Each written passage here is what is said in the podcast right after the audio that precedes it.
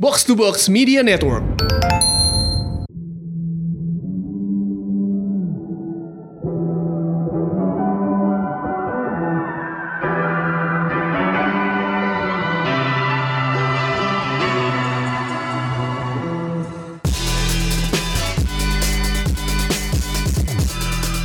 Selamat datang di Showbox Podcast. Gue Rizky Regar. Gue Angga Rulianto. Gue Stanley juga. Hai Stanley. Halo, Welcome to Stanley. the pod. Yeah. Kenalan dulu dong, kenalan dulu dong. Thank you for having me. Halo semua, nama gue Stanley Dirga. Stanley ini adalah seorang jurnalis lifestyle di Jakarta. Yes, uh, basically a writer. uh, sempat tujuh tahun bekerja di sebuah uh, media online dan temen uh, kantor lama gue nih. ini semacam reuni. sedikit sedikit uh, bersama teman-teman gue di sini kita sering banget ketemu di screening film, Yeah. suka nonton film. Iya, betul. And my pasti ultimate dream itu one day adalah bisa bikin film sendiri di layar lebar. Amin, amin, amin. Gue tuh kayaknya pertama kali kenal lo ya Stan, kayak Yes. sekitar berapa tahun yang lalu gitu. Mm-hmm. Lo tuh lagi nulis skrip. Oh iya? Ya. Really? Ya. Dia lupa. Dia lupa. Dia lupa. Ya ya, ya. gue gue gue mengawali karir menulis gue sebagai penulis skrip sebenarnya, tapi sampai sekarang nggak ada yang laku. Mungkin setelah ngomong di podcast ini aja. Who knows? Please please lo. Jadi di episode kali ini kita bakal nge-review film A Man Called Ahok. Kemarin Yes. kita udah nonton Iya, di kemarin. press screening Press dan gala premiernya. Nah, Stanley nih eh, kalau lihat Instagramnya itu profilnya cuman apa latar belakang hitam dengan tulisan Ahok. Oh, iya? Jadi makanya gue iya kayak ayo Stan ikut kita nge-review film ini. gitu. Tapi sebelum kita nge-review A Man Called Ahok, kita mau ngebahas dulu nih eh, kira-kira seminggu terakhir ini pada nonton film apa sih? Coba angkat dulu, angkat dulu. Gue baru nonton tiga film sih. Ada Iya. satu beberapa ada yang baru, sisanya ada yang lama. Kayak eh, yang Yang lama apa yang baru. lama? Gue kemarin banget, Iya. kemarin banget baru nonton A Star Is Born. Oke, gimana menurut lo? Secara keseruan ya, Iya. emosional banget sih film tuh ya. Dan dan Nangis siapa nggak? sih? Nangis nggak? Oh, enggak, tapi sebelah kiri kanan gue pada nangis. dan gue masih terjebak gitu, gue gak nangis gimana ya? Tapi yang- Karena kalau nonton bareng pressure-nya gitu ya kayak gue nangis nggak pak? Semua orang kan nangis, gue nggak nangis ya. Karena kan gue nonton sendiri kan, terus sebelah kiri kanan gue tuh nonton mereka berdua bertiga gitu dan gue sendirian, gue jadi kayak semua lagi, iya. semua. Seenggak sih ada cowok juga, cuman gue Oke. jadi ngerasa gue gak nangis sendiri. Iya. Tapi film itu memang sangat emotional attach banget sih dan dan eh, siapa sih yang nggak suka deng siapa sih yang nggak pernah punya lagu kenangan Hmm. dengan mantan gitu kan? Siapa sih yang nggak pernah jatuh cinta gitu? dan akhirnya di- film itu membuat lu merasa hal-hal yang dulu pernah lu rasakan gitu. Kayak gitu. Lo udah nonton belum Stan? A Star Is Born. Sudah sudah. Gimana Um, menurut lo? eh, apa ya? Gue tuh menonton A Star Is Born eh, cukup dengan apa ya? Jarak waktunya berdekatan, cukup berdekatan dengan Bohemian Rhapsody. Iya. Jadi setelah Duluan ini. duluan A Star Is Born, and then baru si Bohemian Rhapsody. So I thought uh, A Star Is Born was like, okay, this is this thing is good gitu ya. Film ini membuat gue jatuh cinta, bukan jatuh cinta sih, tapi lebih kayak appreciate dan uh, menyukai, uh, mengharapkan bahkan supaya uh, Bradley Cooper ya bisa bikin film lagi gitu kan. Canggih ternyata ya, Iya kan, jago iya banget kan? ya Nah, bikin makanya. directingnya. Ya makanya dan I thought the A Star Is Born was about Lady Gaga, Ya. but Ternyata apparently it's about Bradley Cooper. Iya, gitu. He was so good in that. Tapi kemudian perasaan sedih itu kebanting setelah beberapa hari kemudian melihat Bohemian. apa Remy Malek di Iya. Bohemian Rhapsody. Barusan Lisa kasih wave. No spoiler, no spoiler. No no no, gue gak akan kasih spoiler. Iya. But I think, I mean like seca- dua dua dua film itu kan dua-duanya musikal, but in a very different way. Dan um, ya, I think setelah menonton Bohemian Rhapsody kayak kebanting aja gitu Star Is Born. Both them both of them are good, but in different ways. Oke, kita bakal bahas Bohemian Rhapsody sebentar lagi. Tapi tunggu, Angga nonton apa lagi nih nggak kemarin? Eh, fi- punya apa ya? Film Indonesia Film Indonesia itu jaga pocong. Oke. eh, yang Filmnya, film horor pertamanya Acha Septriasa ya? judulnya Midnight Show. Eh, dan ternyata sekarang dia main film horor lagi, tapi beda dengan Midnight Show yang thriller. Ini film horor yang yang memang Beneran hantu horor? gitu, horor, mis- mistis gitu ya. Gua nonton sih sebenarnya karena Aca gitu, karena Hmm. oh, Aca lagi ya udah Aca Aca kan lumayan udah agak nggak terlalu sering main film sekarang semenjak dia nikah kan.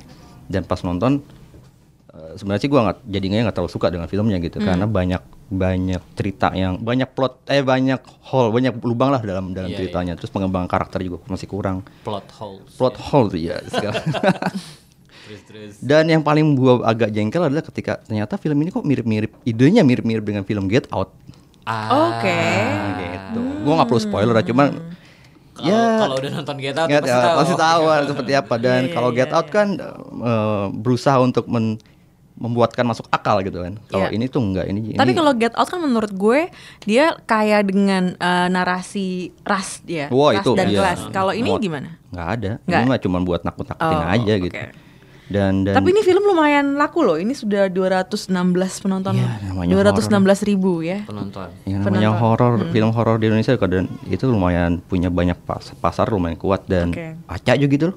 Ya intinya gampang kalau uh, kalau pengen uh, sukses kali ya mungkin like most directors Indonesia bilang bikin aja film horor. Tapi emang gue akui beberapa adegan lumayan serem. Jump Eh, scares. karena pocong, pocong Oh, itu oke. lumayan lumayan serem Oke. sih pocongnya gitu. Dan siapa sih nggak nggak pernah mimpi pernah nggak lu mimpi mimpi dibo gue pernah mimpi diboncengin pocong. Sleep, uh. Gua kaget Alhamdulillah gua. gue nggak pernah sih nggak. Jadi Jangan, jangan sampai sih. Eh Ya tapi gitu. sudut sudut pandangnya cara penceritaannya mirip Get Out tapi ada pocongnya. gue Hmm, spoiler jadinya. Tapi Tapi like, jangan jangan jangan dibilang cuma Sudut gue pandangnya quite interesting ya. Sudut pandangnya mirip Get Out tapi pocong. iya It's iya quite iya, unique iya. ya. Pocong nyet- kenapa jadi kenapa pocong itu penting karena itu salah satu yang membuat itu jadi ya Oke, seperti cukup, Get Out cukup, ya. cukup, cukup, Oke. Hmm, Oke. Before spoiler. Oke, kita bahas Bohemian Rhapsody yuk karena gue juga baru nonton dan uh, Stanley juga baru nonton ya. Yes. Maksudnya jadi kita sekarang fresh banget untuk Masih ngomongin fresh. Bohemian Rhapsody. Nah, uh, menurut Stanley gimana nih Nah, ini. Bohemian Rhapsody? Lo enjoy nggak nontonnya? I really enjoyed it. Hmm, oke. Dan um, sejujurnya gue belum banyak melihat film-filmnya Remy Malek ya. Hmm. Plus Sama uh, sih gue juga. Ya ya. I mean um, I didn't I didn't see his uh, TV show Mr. Robot. Mr. Robot. Iya.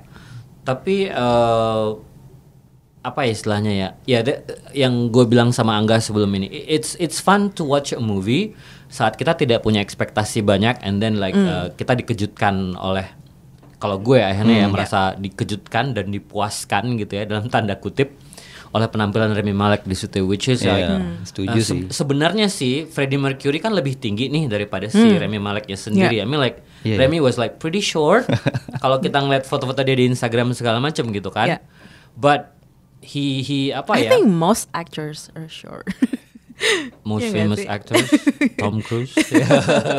ya maksud gue uh, he embodied uh, Freddie Mercury so well. So well, gitu. iya. Yang sebenarnya gue sih. masih belum bisa buktiin or maybe you guys know um, ada yang bilang bahwa dia nyanyi beneran tuh beberapa lagunya uh, uh, Queen di situ. I haven't really find the answers. Oh. Tapi uh, pihak uh, distributor filmnya di sini bilang bahwa Remy menyanyi, but I don't know which which songs. If if that's the truth, dia pantas dapat Oscar sih tahun depan ya. Sangat menghayati. Tapi kalaupun dia nggak menyanyi, apakah dia nggak pantas dapat Oscar? No, no, no. That's a plus point sih. Tapi menurut Yeah. gue, um, the way he delivered uh, Freddie's sadness, talent, terus like quirkiness, craziness, bahkan uh, a subtle, a subtle uh, homosexual, um, Ya. apa namanya tuh, um, apa sih? Nuansa, Persona. nuansa ya, itu hebat banget sih. Hmm, Gimana nggak menurut lo? gue nonton itu sebagai orang yang tahu kalian, Queen. Kalian suka Queen nggak? Eh suka Queen nggak? I love I beberapa love lagunya gue I suka, love tapi Oke. gue memang bukan bukan fans beratnya segala Yes. macam. Tapi Oke. gue nonton pengen tahu seperti apa sih Queen, seperti Hmm. apa sih si Freddie Mercury pas gue nonton. Gue sangat menikmati sih jujur aja. Hmm. Gue tidak seperti banyak se- yang diutarakan oleh banyak kritikus film di luar sana. Gue Hmm. menikmati filmnya dan eh, menikmati dramanya, menikmati bagaimana Rami Malek itu men- menjadi Freddie Mercury Ya. dan apa ya? gue amazed banget di adegan terakhir sih. Spoiler gak Oh, nih? Wembley Oh, set, Iya, ya. iya. The Itu tuh non-stop Gue Oh, agak-agak iya. nyesel sih nontonnya nggak di non-stop Limax. singing Jadi. or which part?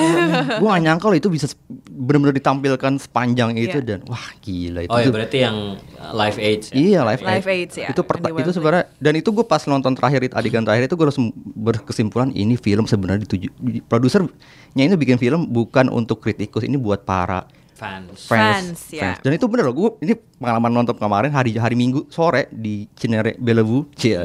Mall-mall yang agak sepi itu sebenarnya. Pas gue datang mau beli tiket, gue pikir bakal dapet tengah-tengah gitu ya, atau di atas gitu. Pas gue datang, Oh, wow. tinggal depan aja mas. Hah? Itu jam 5 loh, jam 5, eh jam 6 Penuh ya? penuh. Pas gue datang Sama sih, gue juga nonton hari Sabtu, Sabtu ya? jam setengah tujuh gitu. Itu gue dapet Dika, which is dua dari depan. Jadi Gua kemarin- gue gua kemarin sangat nonton terganggu Ahok dengan tonggosnya Rami Malek yang palsu itu. Kalian keganggu gak sih gue yang kayak Iya, ini nggak Harusnya nggak setonggos itu ya. Gue sampai nge-google. Kayaknya itu gue nggak Iya. inget Freddie Mercury setonggos itu. Gue sampai nge-google gitu di, di bioskop kayak kayaknya nggak deh nggak setonggos ini tuh. Dan bener kan, maksudnya emang itu emang agak ganggu aja proses si gigi palsunya itu.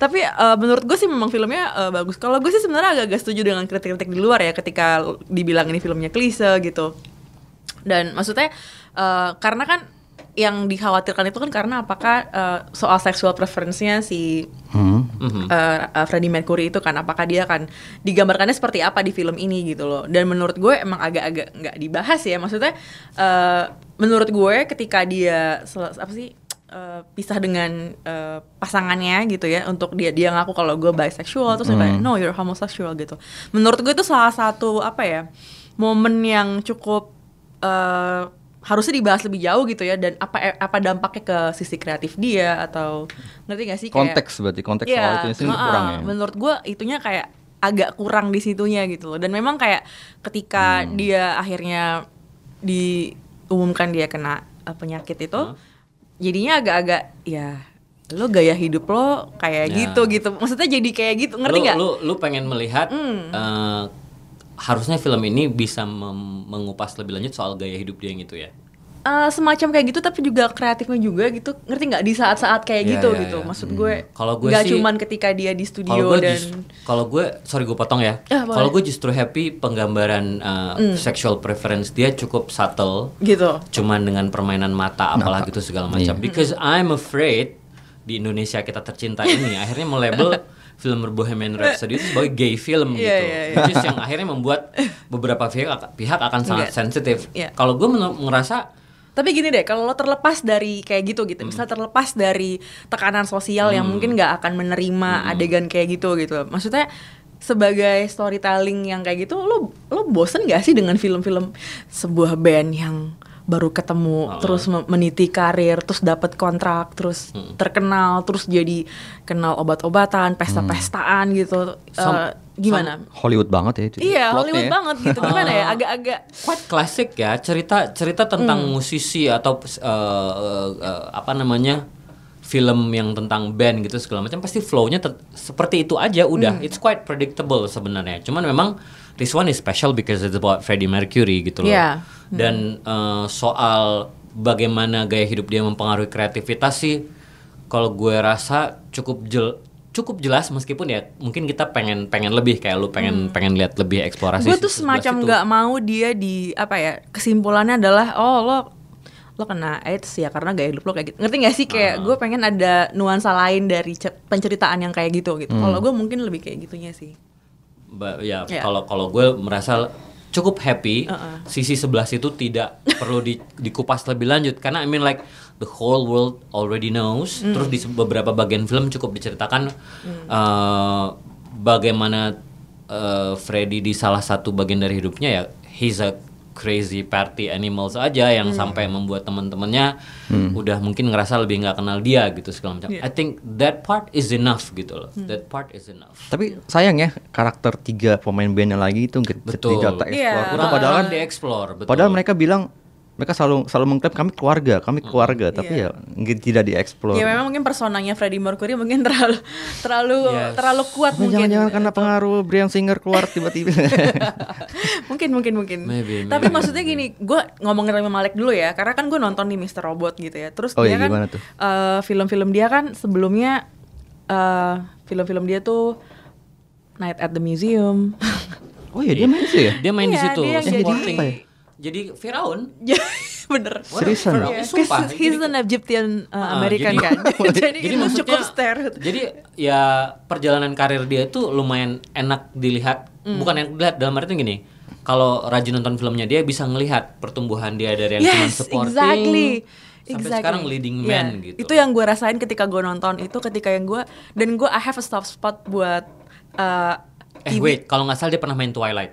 Ya, benar Right? benar Dia benar. main Iya. Twilight. Yang mana tuh yang mana? Ada tiga. Kan? yang Eh, akhir-akhir, empat. yang terakhir. Oh. Yang terakhir. Jadi dua. dia Yang Breaking Down. Mm-mm, jadi dia menjadi salah satu pasukannya Bella untuk ngelawan musuhnya waktu itu ya. Uh, I mean like Jadi maksudnya penting waktu itu peran-peran yang iya memang lead, uh, supporting gitu ya. Kalau nggak cameo supporting gitu nggak nggak pernah dapat screen time yang sampai sepanjang di Hmm. Bohemian Rhapsody ini. Jadi menurut gue emang emang ini ya panggung dia banget sih untuk Iya. untuk berperan jadi Freddie Mercury gitu bener-bener intonasinya, nada ngomongnya, terus gerak tubuhnya, semuanya bener-bener menurut gue gila sih menurut gue Yeah, emang. the role is made for him. Iya, Right. gue agak-agak hampir nggak percaya gitu nontonnya. Oh my god, ini Rami Malek yang main. I really love the script yang menggambarkan, maksudnya menggambarkan si Freddy ini sebagai pribadi yang kekeh, you know, kekeh dan kayak kreativitas gue nggak ada toleransinya. Take it Yes. or leave it. I really love the scripts yang saat uh, Remy men- me- me- menyampaikan itu gitu, loh, you know. Iya, As- iya, Kalau iya. diomongin spoiler nggak usah. Kalau gue sih adegan favorit gue ketika di ini sih, ketika mereka lagi bikin beberapa lagu yang ikonik gitu ya, yang, yang dari yang akhirnya pakai. harus mengungsi itu. Iya, ya. heeh, I gitu. really love that part. as Jadi well. kalau yang udah nonton pasti ngerti itu ya. Gua kalau gua ada yang favorit yang pas di ruang rapat yang pas abis mereka berantem Oh duduk lagi tuh. Iya. Terus dikerjain kan sama Iya, tiga iya, temennya. gue ketawa habis-habisan sih itu Nah, kayak. Somehow di, di situ gue ngerasa ya seperti yang Angga bilang barusan, ya karakter tiga teman yang lain kayak kurang di Sayang ya, bener ya, sayang Di ya. situ sih gue ngerasa itu. Padahal ketika di ruang rapat itu bisa banget ya kayak kayak emang ketiga-tiganya itu emang sebenarnya ya lu tuh pas aja made for each Iya, other iya. sebenarnya. eh btw btw ada yang nyadar nggak tuh? Jadi, Salah satu pemain Bohemian Rhapsody itu pemain Jurassic Park. yang jadi basisnya kan. Bentar. Iya, Iya heeh. kan? Anak yang kesetrum di pagar listrik. Iya. Udah itu. gede ya? Iya. Oh iya, gue nyadar sih dengan cara senyumnya soalnya sama. Steamy ya, Steamy Iya, kan Steamy, Steamy, gue Steamy. ingat Steamy. Oh, iya, iya. Ya, seru sih ya Bohemian Rhapsody. Tapi ada kalian nangis gak sih? I didn't really cry, tapi Jujur deh, Stanley. No no seriously, I, di- I didn't cry, I didn't Okay. cry. Cuman kayak ngerasa, nah, especially that part saat mereka akhirnya ditaruh di. Yeah. kampung sebelah mana untuk bikin Ah, lagu bikin itu. lagu Bohemian. Dia bikin dia bikin mama apalah gitu segala Ah, macam di iya. situ. It was like, damn it, the feels. Ya, Hmm. itu ngerasa banget emosinya emang raw banget ya si Iya. si uh, Rami di situ. Selesai film pada tepuk tangan, men. Ya, Dan buat gue, gue jarang iya. banget nonton film di bioskop komersial, nonton film reguler gitu, Iya. tepuk tangan. Biasanya kayak gitu kan terjadi di festival film, Iya, ya iya. kan? Lu Iya. kalau datang festival Iya. Gue film kayak pengen gitu. loh, gue pengen situasi itu saat orang nonton film di Jakarta atau Indonesia deh. I mean like if the film is so good, clap man. Iya, Iya. eh. The film is so good ya. Itu kali-kali gue ada ada orang tepuk tangan gitu, gue nonton The Raid 1 tuh. Oh iya, iya, iya, iya. gue kayaknya nonton ini deh. Apa ya? Let Me Serap kalau nggak salah. Oh, Miserables. Let Me Serap, tapi kayaknya press screening waktu itu. Jadi Hmm. jadi ya wartawan-wartawan jadi mungkin Eh, ada lagi yang ditonton Angga? Kita nonton ini ya. Kita episode nonton The Haunting of Hill House. Oh iya, tapi gue baru dua setengah Aduh, gue pengen banget nonton, tapi Harus gue nonton. nonton. siang hari. Iya, is it that scary? jujurnya gue orangnya Lumayan, kan serem loh. Gue orangnya Serem ya? cemen kan ya. Jadi kalau horor tuh nggak bisa kalau nonton sendiri sebenarnya. Terus gimana nontonnya? Tapi gue nontonnya jadi pagi sambil kayak Doing something else, doing something else ya. Sambil bisa karena Iya. kalau nggak gue stres sendiri sih karena kan ini betul. 10 episode eh, ya gila aja sih lo minta gue nonton 10 jam Is it really horor scary? gitu. Scary. banyak yang uh, bilang sama gue sebenarnya list is not that scary tapi menurut gue suspense-nya tetap Oke. kerasa banget gitu menurut Ambience gue sih dapet. ya Ambience karena kan itu rumah tua Scary, gitu. conjuring, scary. Wah, Conjuring kan masih banyak jump scare ya. Uh-uh. Ini enggak, ini, Ini enggak. tertata gitu loh Iya. horornya. Uh-uh, Realistis. Oke, oke, oke. Iya kan? Iya. I will try. gitu. Will Dan try. ini sebenarnya menurut gue kenapa gue bilang ini salah satu horor terbaik tahun ini karena memang eh, cara penceritaannya dia beda gitu. Ketika lo Oke. pakai formula-formula eh, rumah tua, lorong-lorong panjang yang gelap, perempuan pakai dress panjang, terus Patung-patung rambut iya rambutnya panjang, patung-patung. Rumahnya tuh emang udah kayak kalau lo lihat, iya gimana nggak berhantu juga nih rumah kayak begini gitu kan. Tapi ketika eh, kalau gue selalu bilang ke orang-orang yang mau nonton ini, please nonton sampai kalau lo agak-agak nggak betah gitu tonton sampai episode kelima karena Oke. ketika di episode kelima itu lo bisa kayak paham kenapa serial ini tuh bagus banget gitu Oke. jadi dari segi storytelling ya menurut gue bener-bener time bending menurut gue jadi kayak batas antara masa lalu dan masa sekarang tuh suka dikaburin aja Iya, gitu iya. sama sama sutradaranya gitu sama Maju yang kan showrunnernya. Mm-mm, gitu jadi menurut gue Eh, alurnya, sorry. dari segi itunya aja menurut gue tuh udah kayak sangat menarik buat diikutin gitu ya. Apalagi ketika lo nonton terus sampai lanjut sampai endingnya ke episode 10 tuh gue langsung kayak wah gila sih. Ketika revealnya dikasih tahu gitu ya endingnya gitu.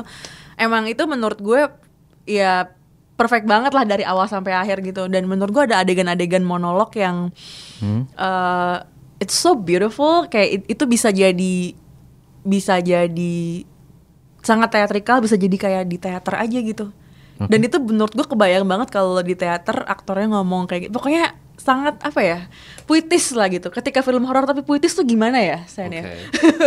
jadi kayak kayak gitu and sih it- and it's a film and it's a film about family as well, right? it's about family Nah, it's itu salah about satu yang gue suka tuh. It's about family, Family. tapi ini juga tentang trauma, Trauma. menurut gue. Trauma dalam keluarga. I read I read the plot, Ya. tapi ya that Uh-uh. sejauh itulah yang cukup gue tahu. Iya, Terus itu sih. Belum nonton. Lo udah nonton dua episode Dua setengah episode. Gue selalu Hey. ketiduran karena gue nonton malam-malam terus kan. Yang jadi bapaknya main E E.T. Iya. Ah ya, ya. tokoh utamanya. Gimana menurut lo nggak dua episode itu? Itu dia yang dia saudaranya jago banget ngejaga pace filmnya, terus nih jago banget merangkai mana yang bagian masa lalu, mana bagian masa ini Iya. dan pakai juta posisi gitu loh. Jadi Yes. ada eh, apa benda-benda tertentu yang mirip di masa lalu dan sekarang itu Yes. tiba-tiba dikaburkan gitu kan. ya. Iya. Terus yang paling gue suka sih kan mungkin karena gue suka film drama keluarga Hmm. ya film film keluarga. Jadi buat gue ini penting banget film karena dia meng, kayak mengorek-ngorek lagi pribadi setiap anggota keluarga itu karena ada satu kejadian di masa lalu yang membuat mereka punya emo punya apa ya Trauma. kayak trauma trauma itu jadi film horor ini sebenarnya nggak cuman menampilkan hantu aja tapi trauma itu sendiri jadi kayak horor buat Nah. penonton gitu Symbolizing ya, Semacam- simbol. Kalau kayak cerita Natal tuh Ghost from the Past kayak gitu-gitu. Iya iya iya iya. iya. Cuman kalau gue cerita nanti takut ya. Iya. Pokoknya kira-kira kayak gitulah. Cuman ya Oke. itu sih. 10 episode ya. 10 10. episode. Jadi siapkan Oke. mental Dan first season, first season gitu. First season. itu iya, oh bakal season. ada kira-kira bakal ada lagi lanjutannya gue kurang tahu sih bakal ada lagi apa enggak. Cuman eh ya 10 10 episode. 10 episode. gue baru dua setengah. Jadi keluar, keluarga itu memutuskan untuk kembali ke rumah itu to face their fear ya. gue belum sampai situ sih Ah. No, no, no, no, no. Itu itu itu adalah uh, plot yang gue baca di Google aja. oh Oke. gue belum baca plot ini Di IMDb, IMDb plotnya udah ada. Ya, Oke, oke. Like kira-kira kayak gitulah. Tapi maksudnya dia akan menceritakan apa yang terjadi di masa lalu juga gitu loh.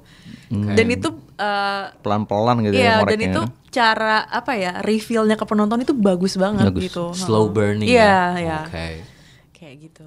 Itu apa? Gitu. The, film The Haunting of Hill House di film Netflix. yang slow burning itu yang kadang-kadang lebih menyakitkan daripada yang you know bikin mengejutkan on your face Iya. gitu ya. dia itu nggak pakai jump scare ya Iya kan? Enggak. nggak ada jump scare ya. Ada realistis satu banget. yang gue sempet kayak lompat gitu nontonnya. pasti di awal adegan di mobil. Enggak, adegan di- ya adegan di mobil gitu. Cuman gue abis itu udah sih kayak enggak ada. nggak ada. lu cerita dong lu kata lu na- lu nangis di Bali gitu kan Angga buka-buka ya. Ah. Jadi gue kan minggu lalu ke Ubud Writers Hmm. uh, and Readers Festival gitu, dan gue dikasih kamarnya tuh yang di Oh. tengah-tengah sawah, etnik gitu ya remang-remang, etnik, terus kamar mandinya harus outdoor gitu di Oke. luar. Wah. oh outdoor waduh serem amat Iya, gue, aduh, ini abis nonton The Haunting of Hill House yang settingannya Harusnya kayak lu nonton gitu. It Pray Love kalau lagi di situ ya. Harusnya ya kita kan? nonton Friends aja kak kalau kayak gitu ya kan. Nah, jadi lumayan mengga- dan gue malam pertama ya gue ngaku sih malam pertama gue sempet nangis karena gue takut mau keluar. Damn it. dan gue kebayang-bayang yang ada di The Haunting of Hill House. Jadi well yeah it's me. Oke sekian dulu recap dari kita. Nanti kita mau bahas film A Man Called Ahok tapi kita dengerin dulu trailernya. Selamat siang Bapak dan Ibu sekalian. Kenalin, namaku Basuki Cahaya Purnama. Tapi banyak orang di kampungku di kantong sana panggil aku Ahok. Anak saya nih akan jadi dokter, bupati, pengacara. Mereka akan buat maju tanah ini.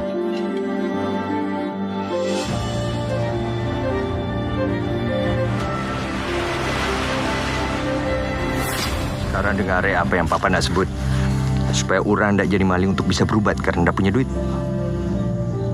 Kau harus jadi dokter supaya orang di sini bisa sehat dan tidak perlu berubat keluar Belitung. Gimana rasanya? Anak istri mereka jika mereka pulang cuma bawa keringat. Apa dia tahu? Hah? Teori, teori, teori. Anak kota itu balik buat bantu kamu saat kamu sakit. Mestinya dia yang kamu pikirin, bukan anak orang lain. Kau cari ilmu yang banyak, terus kau pulang bangun kampungmu.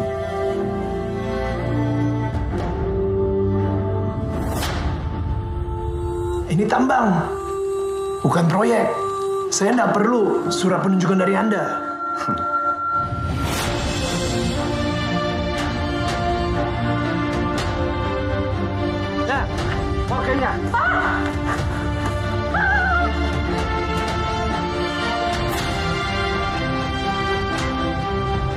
Selalu siap memburu harimau. Apa pun teori yang kau kuasai, gak akan cukup untuk kau hadapi hidup Hawk. Mestinya Bunga Hong tahu apa yang harus diperbuat. Usah pura-pura bilau. Orang miskin jangan melawan orang kaya. Orang kaya jangan melawan penguasa. Oke, sekarang kita bakal membahas A Man Called Ahok, tapi kita akan membagi sesi review ini ke dua eh, dua bagian ya. Yang pertama kita bakal bahas secara umum, jadi gue cuman akan nanya pendapat kalian tentang film ini. Lalu nanti kita akan masuk ke sesi yang spoilers. Jadi buat yang nggak mau dengerin spoilers, mungkin bisa dengerin sampai Skip aja dulu. Iya, nggak nggak kita denger, kita ngomonginnya non spoilers dulu. Nanti akan ada eh, break dan itu adalah nanti gue akan kasih tau kalau kita udah masukin spoilers. Gue akan bacain dulu ya sinopsis dari A Man Called Ahok ini yang ada di situsnya 21. Ahok diperankan oleh Daniel Mananta lahir di keluarga dengan seorang ayah pengusaha tambang. Namun bisnisnya tidak lancar karena oknum yang korup. Masalah-masalah ini membuat hubungan mereka menjadi dingin. Ahok mengikuti langkah ayahnya, Kim Nam, membuka pertambangan di Belitung. Namun ternyata oknum yang sama membuat usahanya bangkrut. Selain itu, keluarga Ahok juga mengalami kejadian tragis. Dalam kondisi kalut, Ahok mengingat pesan ayahnya untuk menjadi pemimpin dan akhirnya ia bertekad untuk terjun ke dunia politik. Gitu guys, sinopsisnya. Oke. Politik. Oke. Film Gue akan nanya dulu ke Stanley dulu deh. Hmm. Gimana menurut lo tentang film ini? Em, ini kembali lagi ke poin gue yang sebelumnya. Tadi gue bilang sama Angga, I like it when I uh, apa ya pergi nonton bioskop dan uh, dikejutkan oleh film yang gue tonton. Dan menurut gue, uh, this movie quite apa ya cukup cukup memberikan kejutan manis buat gue gitu. Em, Tuta kan filmnya belum banyak ya. Terus uh, I mean Tuta filmnya catatan si Boy dan Noah. ya? Noah uh, Dokumenter. jadi yes I mean untuk seseorang yang filmnya belum banyak nih I mean uh, a film called Ahok in eh a film called Ahok Di komentar dong. Iya ya A Man Called Ahok ini kayak I mean mungkin ini gue tapi I cannot find uh, apa ya tadi tuh lobang-lobang di jalan itu tadi nggak Plot hole itu. plot holes. Gue nggak menemukan plot holes itu. Somehow dia bisa ngejaga semuanya intact. Ya. Gue tahu apa yang gue perlu tahu gitu segala macam dan tidak ada bagian-bagian yang membuat gue bertanya gitu loh. Hmm, hmm. Em, film ini kan berset di mana tuh namanya Belitung. Belitung. Belitung ya, Belitung. Dan somehow setelah menyelesaikan film itu tadi malam, gue tuh ngelihat eh, bisa membandingkan dengan saat kita nonton Laskar Pelangi beberapa tahun yang itu lalu. settingnya sama sih sebenarnya. Ya, eh, Laskar Pelangi beber- beberapa tahun lalu, I like I like how uh, the team itu bisa membuat em, atmosfer kampung sebenar-benarnya. Gue sepakat yang itu. ya, atmosfer kampung sebenar-benarnya. The the the the uh, gambar yang lebar, aerial shot, Yep. drone shot, Yep. long shot gitu segala macam membuat kita eh, ngerasa bahwa kita berada di kampung gitu loh. Sementara Laskar Pelangi yaitu adalah Belitung versi poetik yang yang dibuat indah, cantik gitu segala macam. Dan I mean like sampai ke pemilihan extras extrasnya itu yang benar-benar ya orang sana aja gitu ya. Maksudnya yang eh, yang kulitnya keling gitulah segala macam gitu. Kayak gue.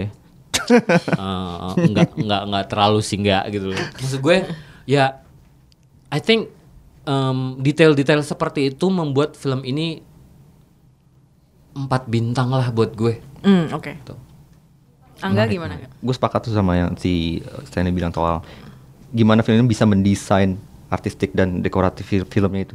Ada yang pertama kan dibuka dengan Ini production designernya Adrianto Sinaga. Iya makanya Bang Anto yang kan. jadi Di Wiro ya? Yang enggak dia sempat cameo juga di film ini. Yang jadi mana ya? Dia yang jadi Hakim, ya, hakim kan, hakim. hakim. Oh iya deh. jadi hakim ya. Terus ada Pak Yadi Sugandi jadi Iya. tetangganya. Pak Yadi itu by the way adalah DOP-nya film DOP, ini. ya. Nah iya, itu gue setuju banget sih sama Stanley gimana gimana film ini Bang Anto tuh bisa membuat apa namanya artistik Ya. kampungnya ini Ah. jadi seperti itu dan itu mendukung banget gimana karakter cerita itu berjalan. Cuma kalau gue agak sedikit berbeda dengan Stanley, gue nonton film ini dengan tidak ada tidak tidak ada ekspektasi sama sekali. Gue malah berharap tadinya yaudah gue pengen tahu Ahok masa kecilnya kayak gimana sih pas nonton. Oke, 20 menit 30 menit pertama gue merasakan oh ternyata begini ya. Tapi setelah menurut gue kelamaan tuh di bagian dia eh, pembuat film ini eh, Tuta menceritakan masa kecil dan sampai eh, masa remajanya Ahok. Sedikit menurut gua kalau di- sedikit dilamain lagi itu bisa, bisa film ini tergelincir jadi kayak malah membuat Ahok jadi seperti saint gitu. Seperti malaikat gitu karena dia diajarkan dari kecil adalah seperti itu nilai-nilai kebaikan keluarga. Nilai pos yang paling gue tapi ya gue tetap ada yang gue suka juga di film ini adalah karena nilai-nilai kebaikan dari keluarga itu sendiri sangat dieksplorasikan sama si Tuta kan dan bagaimana si apa namanya eh, ini kan keluarga et- dari keluarga masa keluarga Tionghoa ya keluarga Cina Iya. dan nggak banyak kan ada film Indonesia yang mengangkat keluarga keluarga Cina Yes, terakhir kita yes. lihat ada yang bagus banget kan filmnya Ernest cek toko sebelah dan ini menurut gue sih lumayan berhasil Ya. Men- Dengan mengajak- tokoh ayahnya sama ya. Iya, dapat. Oh iya, tokohnya sama. Be, terus eh, ya itu apa eh, gimana dia bisa meng, meng- mem- mendeliver nilai-nilai kebaikan dari keluarga itu bagus banget sih dan Ya. tapi ya sedikit ter- agak lebih lama lagi itu bisa tergelincir tuh gitu. Hmm, Jadi ada resiko-resiko itu ya. Nah, dan menurut gua ketika beralih ke ketika si Daniel Ahok ini udah jadi udah dewasa dan dia mulai mulai ada ketertarikan bisnis, mulai ada perdebatan panjang dengan ayahnya. Kayak ada yang kurang gitu. Jembatan karakter itu ada yang kurang gitu. Gimana tadinya dia nurut-nurut aja harus jadi yang anti, jadi yang sering protes gitu. Eh, kalau menurut gue, gue suka karena eh, ini kan filmnya drama. Kalau gue melihat ini sebagai drama keluarga ya, menurut gue ini filmnya menyentuh. Gue sempat berkaca-kaca karena kan gue jadi inget bapak gue sendiri gitu. Eh, emang, iya maksudnya kalau orang Sumatera kayaknya emang ngedidik anak tuh kayak gitu Keras gitu, ya? keras gitu. Eh, dan dan lo jadi paham kenapa Ahok menjadi pribadi yang demikian Iya, gitu iya, karena iya. dan karena memang ya dari kecil nggak cuman dia ngeliat ketidakadilan itu, tapi dia juga diajarin untuk berlaku ya melakukan sesuatu gitu kan melakukan sesuatu dan kalau bisa lo membawa perubahan lah ke kampung ini gitu kan itu kan harapan bapaknya gitu Ah, gitu sih cuman gue sih jujur ketika mau nonton gue ekspektasi tinggi banget Oh gitu. karena pertama ya kalau lo bilang film itu masih dikit tapi filmnya dikit tapi gue suka filmnya gitu jadi Yes. gue Si boy bagus si boy. Eh, gue jadi- suka eh, gini, maksudnya sedikit tapi essentials. Iya, Film uh-uh. filmnya Tuta itu. Iya, itu makanya gue juga pengen tuh film ini eh ya nggak tahu sih gue berharapnya tinggi lah untuk film ini gitu. Tapi tapi ketika ngenon- kita akan bahas nanti di sesi spoiler untuk lebih detailnya gitu ya. Tapi gue sejujurnya agak kecewa sih ketika eh, ini jadi cuman drama ayah dan anak aja gitu. Hmm. Tahu ya, mungkin karena judulnya Man Called Ahok gitu dalam dalam sejam cerita yang lebih agak sejam pertama. politik gitu. Eh, mungkin nggak politik juga, tapi eh, nanti kita bahas ya di spoiler ya. Soalnya saya sempat di, di, di protes netizen karena spoiler. Oh iya. Oh iya dulu ya. nah Yang itu maksud gue, gue kayak gue lebih kayak gitu sih karena karena gue, eh, ya gue harapannya lebih ke Mm-mm. melihat Ahok kerja nyatanya Ahok gitu loh gimana sih? Eh, itu sih yang sebenarnya yang gue ingin gue lihat gitu. Nanti kita akan bahas di sesi spoiler. Eh, ada lagi komentar, gue sih suka soundtracknya gimana lo? Ketika terakhirnya tuh yang lagunya netral, yang Oh, oke. yang sikat pencuri duit rakyat itu asik banget sih, gue suka. Kalau gue suka actingnya Denny sih, Denny Sumargo. Oke, Wah, banget. Oh Itu ya, oh my god. Denny Acting Denny Sumargo luar biasa. One thing yang perlu orang-orang di luar sana tahu, Hmm. I think ya si Denny Sumargo ini punya kesempatan jadi um, Henry Goldingnya Indonesia loh. Wow, oke. Sama sama sama seta- sama-sama Asian. Ya, Dua-duanya punya uh, vintage charm sebenarnya. Perhatikan rambut itu saat jadi bapaknya si Ahok ya. I mean rambut rambutnya itu rambut rambut tipikal khas zaman itu kan. And if you see Henry Golding, he's like he was like a guy gue jadi membandingkan sih dalam pikiran right? gue. guy coming from 50s or 60s dengan charm yang sama Iya, dan iya. somehow Densu- Posturnya gitu lumayan yes, tegak, iya, iya. Densu bisa uh, embodied that as well Hmm. gitu loh. Dan itu bener-bener ini sih ya, dia bener-bener Melebur ke dalam Iya, karakter. heeh. Jangan-jangan dia main di Crazy Rich Surabaya? Hey, Hey, hey, hey, hey. film bukan maksud gue film Indonesia tuh memang kekurangan pemain ya. Jadi yang di cast itu itu aja gitu loh. Tapi gue gue kaget sih lihat Denny Sumargo di sini karena biasanya kan nggak se nggak sebanyak itu emosi yang ditampilkan dalam Yes. satu karakter. Yes, this ini, is ini very- kaya banget ya dia. Very loaded. Iya makanya. Yeah. Which is which is good ya. Oke. Karena dia butuh kalau menurut gue nih secara pribadi pembuktian sebagai seorang aktor. Jadi lu nggak menerima Yeah. peran yang Gitu-gitu ya, aja, aja ya. gitu loh. Kita akan bahas nanti soal Denny Sumargo lebih di sesi spoilers Baik. juga. De- Denny ini kupingnya panas. Oke, kita masuk ke sesi spoilers.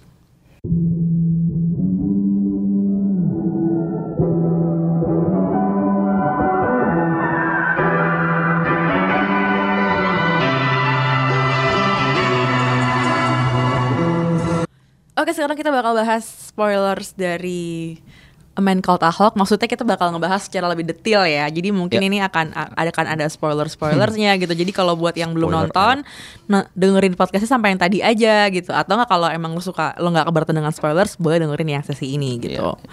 Tadi kita lagi ngebahas Denny Sumargo nih ya. Gue suka banget dengan dia. Menurut gue makanya ya ketika gue nonton ini kayaknya peran ayahnya tuh dua-duanya Denny Sumargo dengan si Uncle uh, Gimana sih nyebutnya itu pronunciation-nya si C Cekin Ha. Chokin ya. Ya, itu. itu menurut gue sangat dominan sampai gue tuh kurang merasakan si Ahoknya. Danielnya? Iya. Iya. Apalagi ketika sejam pertama lo tuh di eh, dikasih Ahok yang masih, Masih eh, SMP. SMP kan ya dia remaja, 12 13 SMP. tahun gitu kan ya. Jadi gue ini main called Ahok apa a boy called Ahok gitu. Jadi sampai sejam pertama tuh gue masih menunggu-nunggu nih. Atau Ahok's Family gitu. ya. Judul, judul filmnya harusnya gitu. Iya, gue agak-agak yang kayak ini jadi sebenarnya gimana ya filmnya gitu. Gue sempet ada ada perasaan kayak gitu tuh ketika gue nonton kayak ini lama loh untuk bagian Iya. yang dia kecilnya gitu loh. Cuman ya gue suka banget karena Denny Sumargo nya bagus banget Iya. di situ Yes, gitu loh. yes, yes. Dan ketika dia dewasa digantikan oleh si Uncle gitu Cekin lagi. Ya, Uncle- ya itu terus dan menurut gue jadi iya agak-agak jadi ini sebenarnya film tentang Ahok apa tentang ayahnya gitu agak-agak kayak gitu gitu. Kalau gue sempet ngerasa kayak gitu. Kalau kalian gimana? Ya seperti yang tadi gue bilang juga sih emang dari awal eh, film ini terlalu eh, enggak, gue- kayak gue belum bilang ya. Film emang sih benar kata Lisa, menurut gue film ini terlalu asik di awal mengulik kisah relasi ayah dan anak ini nih Ahok dan bapaknya gitu. Eh dalam banyak hal sih ber- berhasil banget gimana kita bisa tahu Ahok itu karakter terbentuk dari siapa gitu. Iya. Cuman ya itu kalau terlalu lama lagi tergelincir ya bisa jadi membuat film ini jadi kayak kok positif banget gitu ya ini keluarga Pa- padahal sebenarnya kan ada hal-hal yang sebenarnya bisa kita dieksplor Kalau kalian juga denger gitu. eh, ada cerita Ahok nih dibikin jadi film, ekspektasi kalian yang mau yang mau kalian tonton di film tuh apa, Stanley? apa? Ka- kalau gue somehow ya mungkin mungkin um, his fights ya. Hmm. His his Exactly. his fights uh, his, keberaniannya gitu ya. yes, his- Nyali gedenya his itu ya. His troubled some life sebenarnya. Tapi Oh, oke. um, iya kan? I mean, itu juga itu juga harapan pertama gue sih ketika gue Iya, dengar ada film heeh. Man Called Ahok, gue pengen itu yang dibahas gitu. Dan jujur ya kalau tidak gara-gara proyek ini juga gue nggak tahu film ini diangkat dari buku yang satu itu Iya. gitu kan sebenarnya. Tapi em, pilihan Tuta untuk katakanlah em, mengupas apa namanya mengupas eh, sisi hidup Ahok sebelum dia ke Jakarta menurut gue juga eh, patut diapresiasi sih dalam artian ya men ya masalah Ahok ini bukan cuman setelah dia pindah ke Jakarta. Sebelum dia pin- sebelum dia pindah ke Jakarta aja tuh hidup dia masalah banget gitu loh. Maksudnya ngerti kan? Maksud gue ya kalau udah nonton filmnya pasti tahu deh gitu Iya. loh masalah dia apa aja gitu loh. Jadi Bocorin aja kali ini kan sisi spoiler. eh, dengan memberitahu memberitahu semua orang yang mendengar bahwa ternyata hidup dia susah juga pas Yeah. di Belitung cukup spoiler kok sebenarnya. I mean kayak man saat saat si adik itu ya, saat si karakter bernama Franz ini Sedih situ gue. uh, bilang ke ayahnya, saya mau nunjukin, oke, this is spoiler, like this is really spoiler gitu kan. Uh, ayah cepat pulang ya, saya mau nunjukin moves moves. Oh man, I know exactly what's gonna happen after that. Iya, iya. Dan gue gue nggak tahu tuh bahwa ya you know itu akan kejadian sesudahnya. Tapi menurut gue ya kayak I hope something good will happen to this guy called Ahok gitu ya. I mean Tuhan udah mencoba dia banyak sekali men. Bahkan sejak dia kecil lah gitu. Dengan- dan dengan masalah keluarga apalagi itu segala macam segala macam masih untung dia bisa waras sih istilahnya dengan semua masalah waktu itu gitu loh. apalagi kan um, well he survived 98 ya you know? Iya, oke.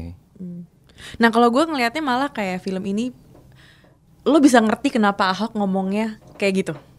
yes Ya nggak sih? Hmm. Kan dia kan mendapatkan masalah nih karena dia ngomongnya ceplas-ceplos gitu kan Ya, kayak nyablak. Iya, nyablak gitu. Tapi sebenarnya di film ini lo bisa jadi paham gitu kenapa dia tuh kayak gitu Yes. gitu. Ya karena internalisasi sudut pandang itu udah berlangsung sejak kecil Ya nggak gimana nggak? Kalau gue, gue kepikiran gini, jadi gue gue agak penasaran kenapa suara Ahok bisa jadi ker- bisa jadi serak ya.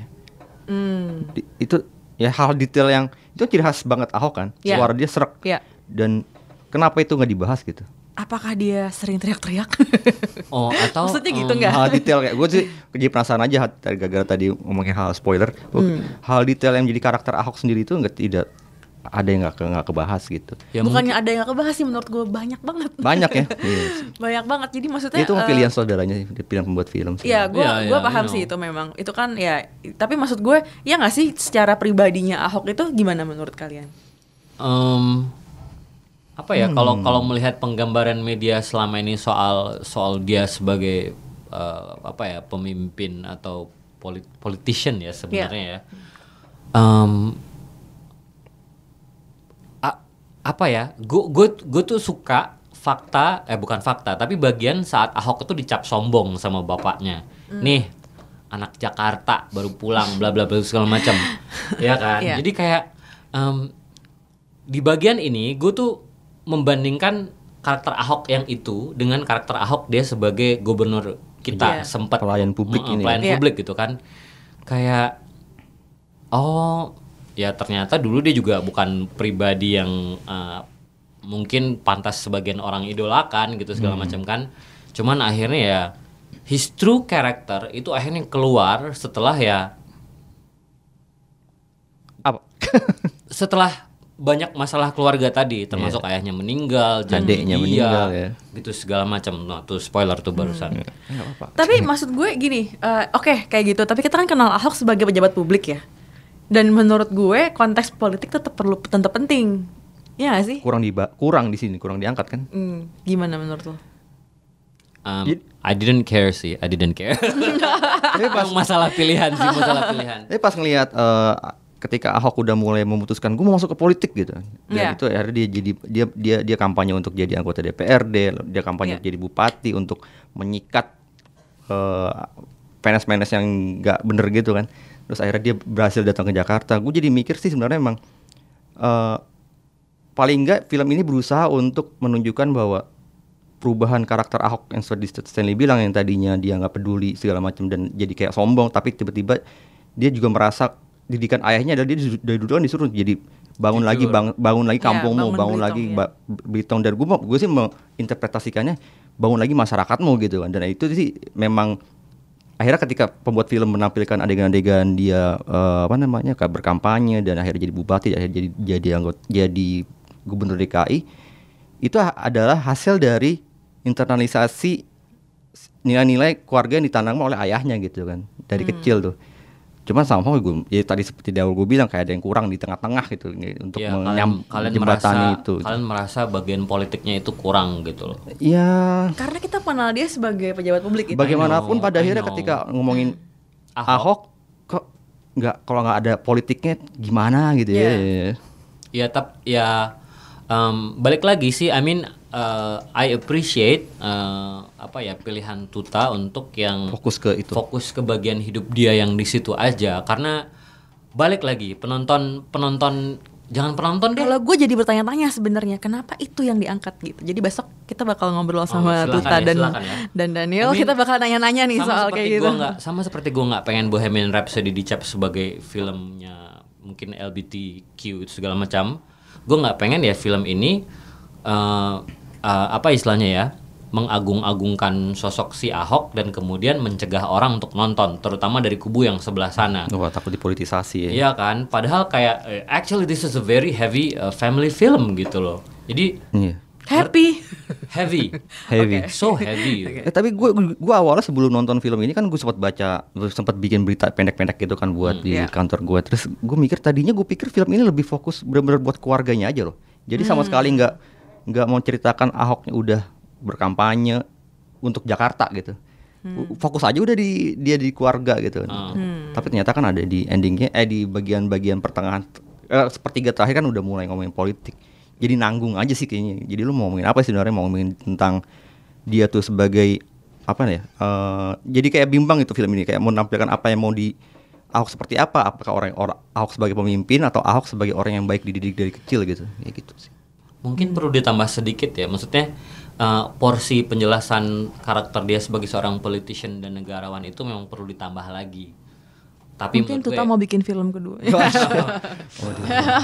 asal jangan berlebihan aja gitu. ini berisiko banget tapi film ini sih sebenarnya diliris Masa sih? enggak maksud gue dirilis dengan waktu berdekatan dan ini kayaknya berani juga tuh tuh tak ya Hmm. itu juga ya. maksud, itu juga maksud gue ya maksud gue em, selain dianggap jangan sampai mengagung-agungkan tokoh Ahok tapi juga itu tadi timing peluncurannya aja sangat sensitif gitu loh Hmm. Iya. Oke, kalau kita ngomongin soal em, tadi apa yang ada dan apa yang nggak ada gitu ya, ada satu bagian yang eh, yang nggak adanya kerasa banget nih karena cuma ada di terakhir doang yaitu bagiannya Ibu Vero. yes Ibu Vero, oke, ya yes. Ibu Veronya nggak ada nih di sini. Maksudnya ketika dia ketemunya nggak dijelaskan gitu kan. Jadi ketika tiba-tiba udah ada aja di penjara gitu ya dan itu nggak ada ada nggak ada dialognya ya kan? ada suaranya dia ada baca ada gua baca. pas di scene akhir Iya Siluet dia sih, dia siluet. kayak dia baca monolog gitu kan ya kayak baca surat yang Gusti Suratnya. Ora Sare gitu-gitu. Cuma maksudnya nggak ada dialog ngerti gak sih dialog dia Pertemuan, adegan Iya, pertemuan, adegan dialog interaksi dengan itu ya. Gitu. Nah, gue pengen nanya dulu sih, menurut kalian gimana tuh? Penting gak sih ada atau nggak adanya Bu Vero ini? wait mic gue mati atau gimana nih Enggak. enggak nyala kok nyala ya oke Wait, oke sip silakan siap siapa dulu deh. dulu boleh. Oh, Dan- dulu. gue belum bisa mikir Oke. Pas. Hmm, kalau fokusnya memang tadi gue pikir gini, kalau memang harus fokusnya memang harusnya drama keluarga ya seben drama keluarga Ahoknya gitu ya selama dia di keluarga di Blitung itu ya sebenarnya kehad- eh, penggambaran Ibu Ver- Veronica dalam film ini sebenarnya nggak penting-penting amat gitu kan. Hmm. Cuma karena emang eh, sayangnya sepertiga akhir film itu udah masuk ke politik dan masuk ke gimana dia akhirnya bisa ada adegan dia melihat Monas dan pakai dengan baju Iya. baju spoiler ya spoiler sorry Ya. ada adegan dia pakai baju serag, apa baju gubernur Ah, ya. bagaimanapun kan peran perempuan peran istri dia kan ah, itu emang penting sih ketika dia menjadi gubernur dan emang tidak ter- tergambarkan ya gua nggak tahu kenapa kenapa nggak digambarkan cuman memang jadi makanya tadi gue bilang serba tanggung nih film mau ngomongin drama keluarganya kah atau mau ngomongin keluarga Hmm. Nah, kalau ngomong drama keluarga, sebenarnya gue juga pengen tahu yang terjadi di keluarganya Ahok ini gimana ya kan? Uh, Amen kalau Ahok dua itu sih kayaknya Nah, that's Ya, why ya, ngerti kan maksud gue? Ya. Karena kan apa yang gini, lo didikan ayah lo itu nanti lo punya lo nggak? punya keputusan untuk Ah. apakah lo akan melakukan hal sama ke anak lo atau enggak. Apalagi ketika lo jadi pejabat publik gitu. Iya gak sih? Hmm, biasanya gitu sih Eh, nah, maksud eh, apa ya? Kalau kalau harapan Jadi kita yang seperti kalau harapan kita yang seperti itu dikabulkan oleh si Tuta, somehow eh, cerita film ini di mana bagian keluarganya Ahok sendiri ya, bukan keluarga dia waktu masih kecil, keluarganya Ahok bersama Vero diceritakan apa ya akan jadi bahan julid aja. Cuman julid. Iya kan, maksud gue pas sih, pas memilih menceritakan Ahok sampai dia eh, sebelum berkarir di Jakarta. I mean, that's so Ya, much. inti- that- intinya Stanley setuju lah sama apa pun yang dilakukan Tuta di film ini. Enggak juga, maksud gue em, udah pas porsinya untuk tidak mencukil kehidupan pribadi dia yang satu itu gitu kan karena sudah terlalu eh, sudah terlalu dikupas oleh banyak media gosip apalah gitu segala macam sementara mungkin esensi dari karakter Ahok sebenarnya kan bukan itu gitu loh Tapi gue suka loh adegan terakhir ketika Bu- Bu- Ibu Vera akhirnya datang di penjara dan itu bentuknya siluet. Itu menurut gue sih lumayan Itu menggambarkan. powerful sih adegannya, Powerful kan? iya. Iya kan? powerful terus the actress who played Itu her- siapa sih? she's a model Hmm, she's a senior model sebenarnya Oh, iya? Uh, jadi eh, apa gerak tubuhnya itu mirip agak agak mirip sebenarnya walau saat dia jalan di siluet itu modelnya keluar jadi Oh iya. iya. Jalannya ini Jalannya banget. ada jalan model Jalannya runway ya Oh, iya. kayak. Dan gue ngeliat sih itu kayak Iya, oh jalannya. eh, oke. scene yang pertama kali dia muncul di di dalam film perhatiin nggak yang yang scene yang kembang api Ah, Oh iya. kan itu dia udah muncul sebenarnya kan jadi somehow I mean like sebagai meja makan ya? ya, Ya, ya, itu kan pertama kali nongol tuh nah sebagai eh, ex fashion journalist kan lumayan sering nih melihat aktris satu itu sebelum akhirnya dia muncul di sini gitu Iya. jadi Iya. gue yang lihat why did I never think of that gitu ya maksudnya bisa aja nih castingnya nemuin orang yang mirip gitu Iya ya. yang rada mirip tapi ya you know lah I'm like Oke, yang terakhir mungkin kita bahas dulu nih aktingnya Daniel Mananta ya. Gue sih cukup gue cukup wah, suaranya cukup mirip ya dengan dengan Ahok dengan apa kayak gaya gaya apa sih body language-nya gitu ya, gaya agak-agak bongkok tapi tinggi gitu, kerasa gitu.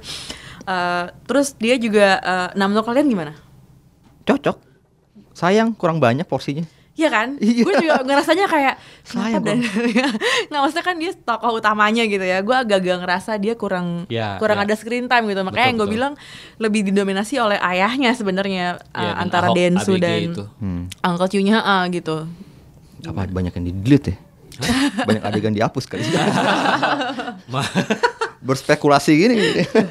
Ya harusnya sih memang imbang ya. Kalau kalau kita kalau kita melihat dengan apa istilahnya wajah Daniel yang dipasang di promo di mana-mana, ya harusnya separuh film itu Iya. ada dia gitu kan. Separuh film itu ada dia dan em, ya bagian-bagian esensial dari eh, hidupnya Ahok yang mungkin ya rasa penasaran lo tadi berdua gitu loh bahwa itu harusnya diceritakan supaya supaya perjalanan dia yang eh, ABG, kehidupan dia waktu masih kecil dan saat dia sudah berkarir itu balance gitu loh. Ya kan? Iya. Mungkin lebih kayak gitu sih gue mengharapkan ya. Tapi tatapan mata si Daniel tuh dapet sih. Dapat dapat Ya kan? Judes judesnya. Seperti- Iya.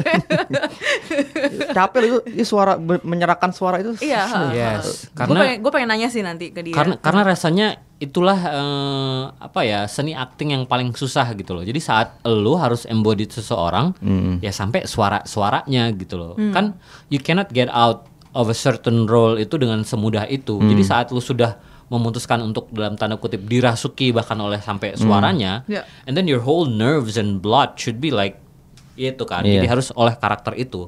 Kalau kalau kalian perhatikan ada satu adegan yang akhirnya si Daniel sudah mengambil alih bisnis orang tuanya Iya. gitu ya, yang dia berkacak pinggang seperti ini, gue langsung lihat that's Ahok man, Iya. you know, Iya, gitu iya. kan. There are moments bahkan ketika dia kampanye gitu ya, ketika maksudnya Gini-gini loh. language-nya kerasa Ada adegan dia garuk-garuk, itu kan Ahok juga tuh, garuk-garuk kepala Iya. dia. tapi gue ngerasa nih, maksud gue, oke suaranya udah hampir mirip, tapi menurut gue kayak kurang tebel deh. Ahok itu kan suaranya tebel, Oh, Iya. serak tapi tebel. mungkin susah kali ya kak kalau bisa mirip banget. well, who knows? Kalau ternyata ada yang bisa banget kan, gitu loh. Iya, iya, iya. Kalau penggemar anak kecilnya gimana si Erik Erik ini jadi yang Ahoknya. jadi Ahok kecil? Ya Ahok Ahok remaja. remaja. Erik, Erik Fabrian. Heeh. Calon bersinar sih menurut gue. Hmm. Subtle gitu mainnya ya, bisa Subtle, bisa nggak terlalu eh, nggak terlalu teatrikal gitu ya. Iya, iya, iya. iya. Iya ya, jadi em, dia berperan seakan tidak ada kamera yang ngikutin Iya, dia ya. itu Kalau kalian susah kan? Mhm. Apalagi buat aktor Baru gitu. eh, baru pretty natural, remaja gitu pretty ya. natural. Dibandingin pemain pemain-pemain kecil lainnya, dia paling natural actingnya kan. Iya, betul. kan? Ha. Dibandingin adeknya. Adeknya masih main oke lah. Iya. Teman-temannya itu sih yang jadi Musiono waktu kecil. Musiono kan namanya? Mhm. Hmm. Itu Edward Akbar juga bagus loh actingnya. Edward Akbar. Ya ya ya ya, he's good, he's Iya good, kan? he's good. heeh. Dan yang gue suka sih apa ya? Wait, wait, kita lagi ngomongin anak kecil Iya anak ini kecil. ya. Jadi melipir gue, sorry. Iya, iya, iya. Nah, enggak enggak. Em, apa? Ya, I think ya namanya berperan itu kan apalagi di film lu berperan dengan eh, aktor-aktor lain gitu. Jadi gue rasa eh, plus ah, pengarahan yang bagus lah gitu loh dari sutradara. Jadi a certain actor can perform well Karena saat the other cast also perform well ya nggak sih? Maksudnya em, apa? Ya seorang aktor itu karakter keluarnya karakternya jadi sangat bagus berperan sangat baik ya saat yang lain juga mendukung dia gitu loh. Meaning the environment was so good Iya. untuk dia bisa menampilkan peran yang seperti itu gitu loh. Itu aktor baru ya? Si, si siapa namanya? Gua jujur sih gua nggak belum ini googling. Kalau kita ngomongin antagonisnya gimana nih? Doni Damara. aduh that guy can play anything lah. Iya. that guy can play anything Tapi selalu maksud gue antagonis harusnya dikasih latar belakang juga sih. Si yang Si oh, oke. Iya. penjabatnya ini ya, dia- korupnya Gua ini. nggak melihat dia bener-bener kayak udah kayak jahat dari sononya gitu nggak Iya. ada. Kenapa lu buat kayak gitu gitu? Kenapa lu buat kayak gitu? Kenapa dia akhirnya memeras banyak orang di, di situ sebagai dia PNS kan? Hmm. Gua nggak melihat ada latar belakang yang kuat juga sih buat si. Gue baru tahu dia tuh PNS pas pas pas, pas ke belakang-belakang karena kan awal-awalnya dia nggak pernah nongol dengan baju PNS kan. Iya nggak? Iya, Bahkan dia- saat dia datang dengan PNS pun dia pakai baju preman. Dia sebenarnya, pakai kan? baju eh, kemeja terus pakai kalung gitu. yang ada tapi dia naik mobil tapi platnya merah. Ah, Tapi iya, dia nggak pakai seragam. iya kan? Iya, iya. Iya, iya. Ya, dia ketakutan ketika Ahok jadi bupati kan. Iya, tapi maksudnya gue sangat menikmati permainannya. Oh, Doni sih, iya. Mas Doni sih di situ kayak Em, apa ya? Ya